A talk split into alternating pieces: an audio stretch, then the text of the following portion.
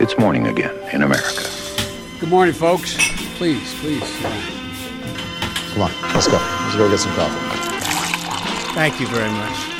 Det er fredag 18. september. Det er tolv dager igjen til den første TV-debatten, 46 dager igjen til presidentvalget, og morgenkaffen er servert.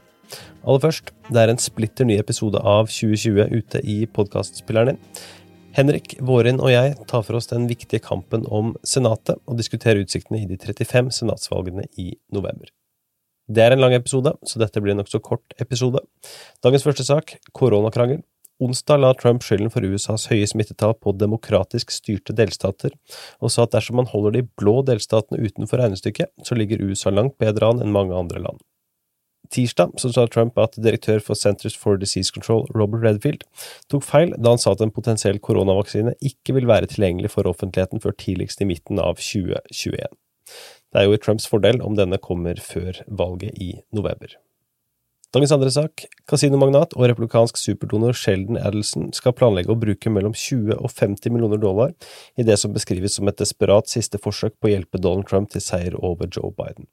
Adelsons nærmeste skal de siste dagene ha vært i tett kontakt med det republikanske partiet for å avgjøre hvor midlene vil utgjøre størst forskjell i valgkampinnspurten. Og dagens tredje og siste sak, målinger. Det har kommet nye delstatsmålinger en rekke steder.